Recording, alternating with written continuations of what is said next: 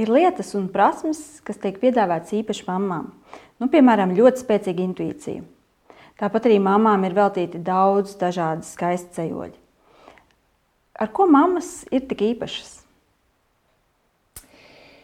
Mama ir vienīgais oriģināls nu, dzīvībai, kas nāk viņas ķermenī, eh, kas ir spiesti deviņu mēnešu garumā iepazīties ar to, kas tiek radīts, kamēr tas vēl nav ienācis pasaulē.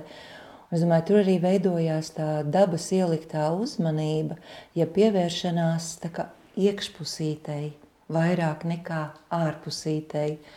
Un tad, ja mēs atbrīvojamies no visa liekā, kas ir ārpusē, tad mēs spējam, nu, kā sievietes, to savu visdziļāko intuīciju sajust varbūt tieši tajā saiknē ar to, ko mēs radām Jo varbūt tas neiznāk uzreiz, tāpēc vienmēr mamām ir jāatgādina, ka nevajag satraukties, ka tas nenotiek uzreiz, tieši tā kā mēs par to tagad varbūt drusku tādā idealizēta, romantiskā veidā sākam šo sarunu. Bet tas, ka tas ir iespējams un noticēt tam, ka tā ir tā īpašā sajūta, kas ir dota tikai sievietei, tā ir sievietes privilēģija. Radīt, iznēsāt, dzemdēt, piedzīvot visneciešamākās sāpes un pēc tam uzreiz vislielāko prieku un gandarījumu. Diemžēl vīrietim tam nav lemts. To piedzīvot tādā veidā, domāju, vīrieši, kas piedalās tajā procesā, gods un slava, tad viņi vismaz caur empātijas spēju mēģina pietuvoties tam dziļajam spektram, kas ir no vienas galējības līdz otrai. Piedāvājot, tas ir milzīgs risks kļūt uh, par mammu, ieraugot divas svītriņas, kas jau ir pirmais signāls, es vairs nebūšu tikai sieviete. Ja manā ķermenī ir signāls, kas saka, man būs jāpiedzimst par mammu, man būs jāuzņemās pilnīgi cita veida atbildība. Nevis tikai kā es ārpasaulē nodrošināšu bērnam drošību, bet kā es nodrošināšu to emocionālo komfortu mazajam bērniņam, kas vēl ir tikai šūnu līmenī sākumā, to atbalstu un attieksmi, kad viņam ir pirmā drošība no mammas attieksmes, kur ir tikai grūtniece pagaidām, kur gatavo mhm. sevi piedzimšanai kā mammai, tieši tāpat kā viņa gatavo to bērniņu piedzimšanai. Un abām šīm būtnēm ir risks, kuram ir jāaiziet cauri, jo neviens nezina iznākumu. Šis ir tas dzīvības brīnums, kas ir dots, bet nav simtprocentīgas garantijas, kā tas būs, ko tas prasīs. Bet tad, kad tas beidzās laimīgi, tad, protams, tas ir arī vislielākais piepildījums, ko, ko sieviete vispār savā dzīvē var izjust. Viņa ir uzvarējusi savas bailes, savu nedrošību, savas šaubas, viņa gājusi tajā riskā iekšā un apliecinājusi, ka viņa ir mamma un tas ir kaut kas ļoti, ļoti īpašs. Kad un kā sieviete piedzimst par mammu? Vai tas ir tad, kad viņa ieraug šīs strīpiņas, vai tad, kad bērniņu uzliek uz krūtīm? Kāds ir tas process, tavuprāt? Nu, zini, man nav tāda vēlme izdalīt kaut ko ļoti konkrētu, jo nav viena patiesība. Eh, tas reizēm tiek mazliet pārspīlēts kā mīts. Ja mamma ieraug savu bērnu, viņa momentā pamostās mātes jūtas. Nevienmēr tā ir. Jo, ja mēs analizējam, mums katrai ir bijusi mamma, mēs kaut ko esam saņēmuši un kaut ko neesam saņēmuši. Mums ir katrai sava biogrāfija tajā sieviešu līnijā, kā tas ir, ka tu esi maza meitene, tad tu esi pusaudze, tad tu kļūsi par pieaugušu jaunu sievieti, un visu laiku tev aizmugurē ir mammas tēls, kas rāda tādu virzību. Jo gribi, negribi tā atkarības sajūta ar mammu, kas ir vissvarīgākā persona bērnam, nu, viņa iedod tādus uzstādījumus zināmā mērā. Un bieži vien, ja nav paveicies varbūt ar mammu, kas ir spējusi būt mamma ātrāk, lai tas bērns to sajūt tā, kā mēs runājam to procesu kopš ieņemšanas brīža, kad ir tā drošība iekšēji, kas pēc tam pārvēršas ārējā drošībā.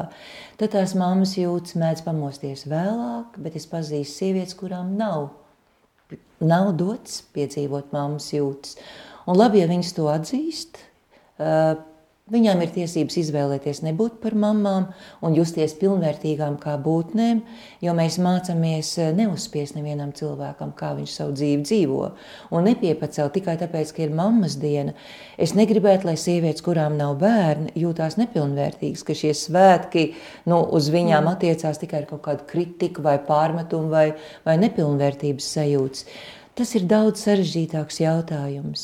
Reizēm ir cilvēki, kas ir izauguši, kas mācās piedot saviem vecākiem nemīlestību, kas mācās arī pateikt paldies par dzīvību, bet ne par ko citu nav ko pateikt paldies. Nu, tāda ir realitāte. Un es nedomāju, tas izklausās ļoti pesimistiski, un it ne. Man liekas, es tā kā runāju tā, kā dzīvē tas notiek, un ka cilvēkam pašam ir jāsaprot, uz ko viņš ir gatavs, kā viņš var sevī kaut ko attīstīt un ticēt tam, kad var attīstīt. Var attīstīt, jo mīlestību mēs mācāmies visu mūžu. Viņa arī mainās. Viņa brīžiem ir vairāk, un mēs viņus sajūtam ar pilnu krūti. Un brīžiem mums liekas, kāpēc viņi mūs atstāja, kāpēc mums ir dusmas, vai kaut kāda neapmierinātība, vai vilšanās sajūta, vai ne? Tas ir tik krāsaini un tik jūtīgi vienlaicīgi, jo tieši tas mīlestības fenomens ir tas, kas mums iedod to, ko mums visvairāk vajag - pieņemšana, mīlestība un drošība. Piedevām vēl tāda drošība, kas nav izveidota kā siltumnīca apstākļos, jo tas varbūt ir jautājums, par ko mēs parunāsim procesa laikā, mēs jau skrienam varbūt drusciņ pāri uz priekšu, kad Es neatbalstu, kad mammas grib savus bērnus audzināt siltumnīcas apstākļos. Es atbalstu mammas, kas pašas nāk no dzīves un var pieņemt sevi savā dzīvē, ar visu to pieredzi, kāda viņa ir. Gan tā brīnišķīgā pieredze, gan arī tā sāpīgā pieredze. Jo, kā jau es minēju, arī dzemdību process ir sāpīgs un priecīgs. Tās jūtas iet ļoti blakus, un dzīvot vispār ir riskēt. Un līdz ar to es domāju, piedzimt kaut kādā jaunā statusā vai piedzimt kaut kādā jaunā atbildībā, tas vienmēr ir milzīgs izaicinājums. Nu, savai personīgai kapacitātei, uz ko es esmu spējīga, un atzīšanai. Es varu atzīt, uz ko es neesmu spējīga, tad es meklēju palīdzību. Man liekas, tu tiec ar to labā galā. Es griežos pie tevis un saku, palīdzi man, apgūt to, kā es varētu labāk tikt galā ar to, ko no manis prasa dzīve šī posmā. Kā man rūpēties par to bērniņu, kā man rūpēties par sevi, kā man radīt to vidu un atmosfēru, kurā satiekās divas svarīgas būtnes - mamma un bērns. Tas ir dzīves pamats. Jā, bieži dzirdēts, ka sieviete kļūstot par mammu, atzīst, es beidzot sapratu, ko man mamma ir devusi, ko tas viņai ir prasījis un ko viņa vispār ar tiem vārdiem, ko viņa ir teikusi, ir domājusi. Jā. Kāpēc mēs ātrāk to nespējam saprast?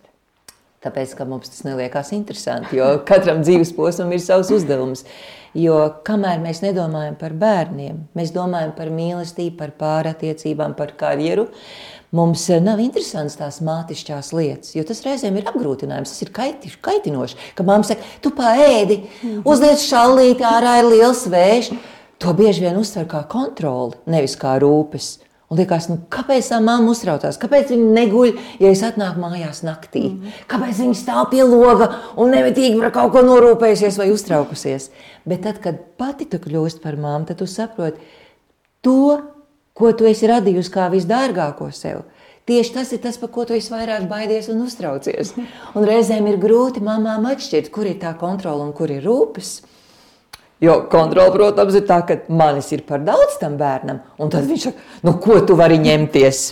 Un tad mamma saka, tad, kad tev pašai būs bērns, ja sakrālie vārdi, tad tu mani sapratīsi. Un tā arī bieži vien notiek, jo katram rakam vajag to savu personīgo pieredzi, kad tu saproti, ko tas nozīmē, kad kāds no tevis ir absolūti atkarīgs, cik ļoti tev gribās to sargāt. Tā pašā laikā gudra māma saka, bet sargājot, es nevaru sākt rūpēties par daudz, jo tad es nomākšu to savu visdārgāko būtni un viņai liksies, ka viņa neko pati nav spējīga ne izdomāt, ne uzņemties kaut kādu atbildību pat par saviem gājieniem, kur ir cēloņi un sekas, vai ne? Visu laiku ir jābalansē tā kā virvi ar diviem lietu sardziņiem, lai tu saglabātu tādu mērenību, tai mīlestībai, kas nav akla, bet tā mīlestība, kas ir klāta esoša, nu tāda uzmanīga, redzīga, dzirdīga, Un neteikt, varbūt tik daudz, nu tad jau tu redzēsi, jo arī šie mm. vārdi ļoti kaitina. Līdz tam vienkārši ir jāizaug, man liekas, abām šīm būtnēm, kad ir viena pieaugusi meita, kur atnāk pie mammas un saka, mamma, Tagad, kad es esmu mamma, mēs varam satikties arī šajā mātišķajā, nevis tikai tajā bērnišķīgais un mātišķīgais, kas ir nu, tas savienojums, kad bērns paļaujas uz mammu, kad mamma ir atbildīga par visu, kas viņa dzīvē ir nepieciešams. Mm, jā.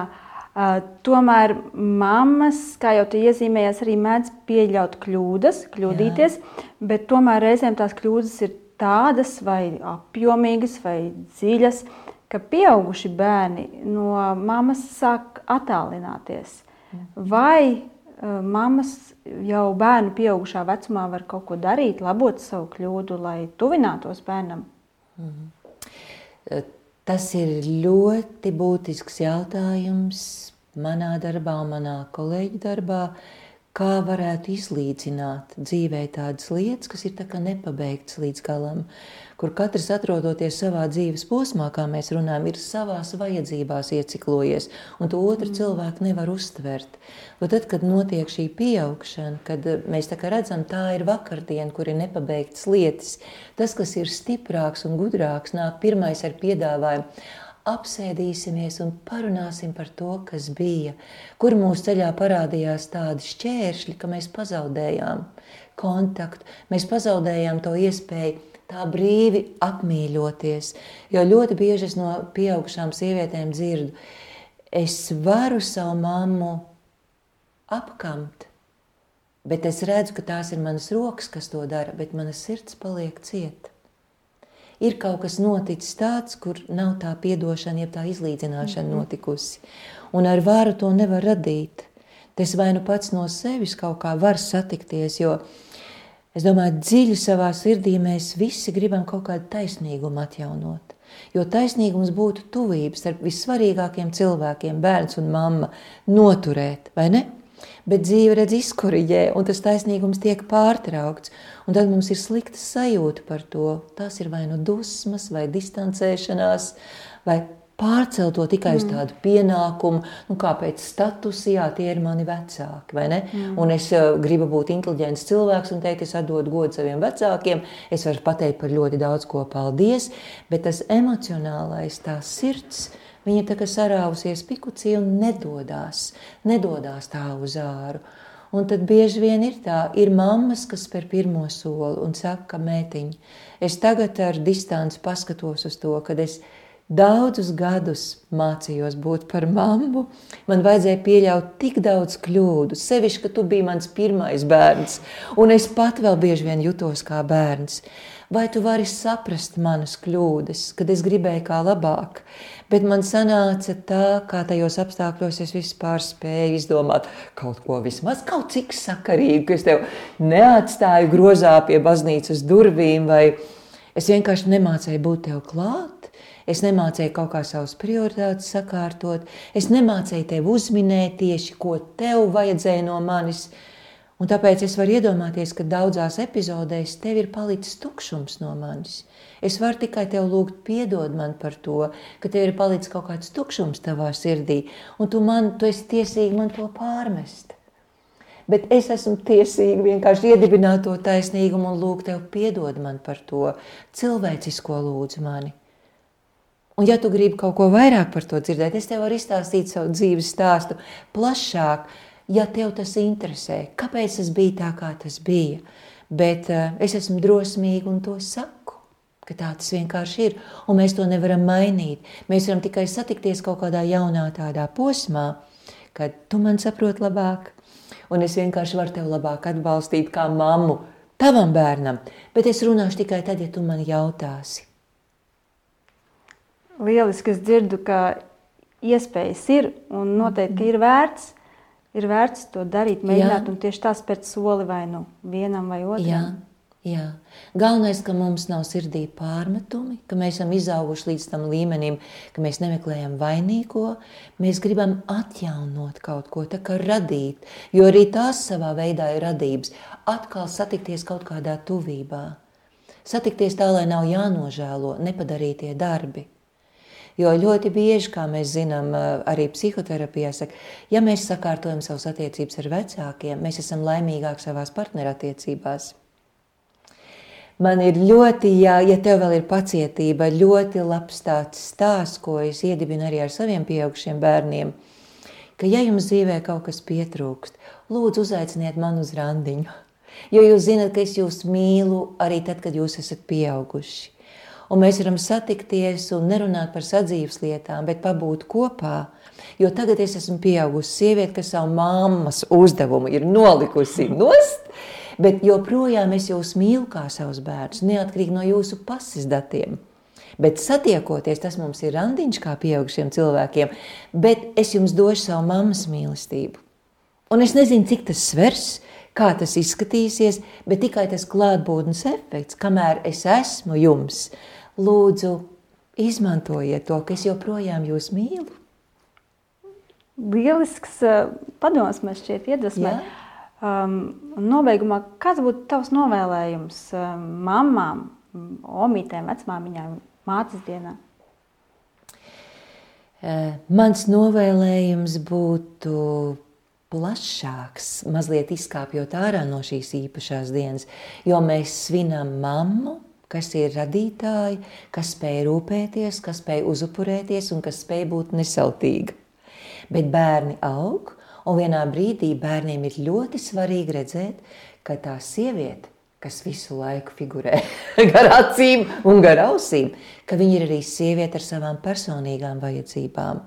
Jo es domāju, ja mēs saliekam kopā šīs divas stihijas, mātišķību un sievišķību, tad tas ir nepārvarams iekšējais spēks sievietē, ka viņa var kalnus kāst, Viņa var iestāties par savām vajadzībām un prasīt, kādu viņai vajag palīdzību vai atbalstu no malas, jo viņa ciena sevi kā personu, kā personību, kad viņa nav tikai konkrētajā lomā iesprostot. Tas ir tikai zīdaiņa vecums, kad mēs viennozīmīgi saprotam, tā ir mātišķība 24, 7 un vēl vairāk, ja mēs varētu pielikt klāt kādu stundu diennaktī vai ne.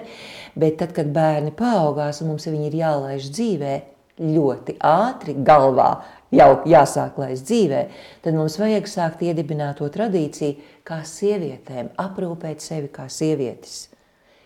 Liela mamma mēdz nomākt izaugsmas iespējas.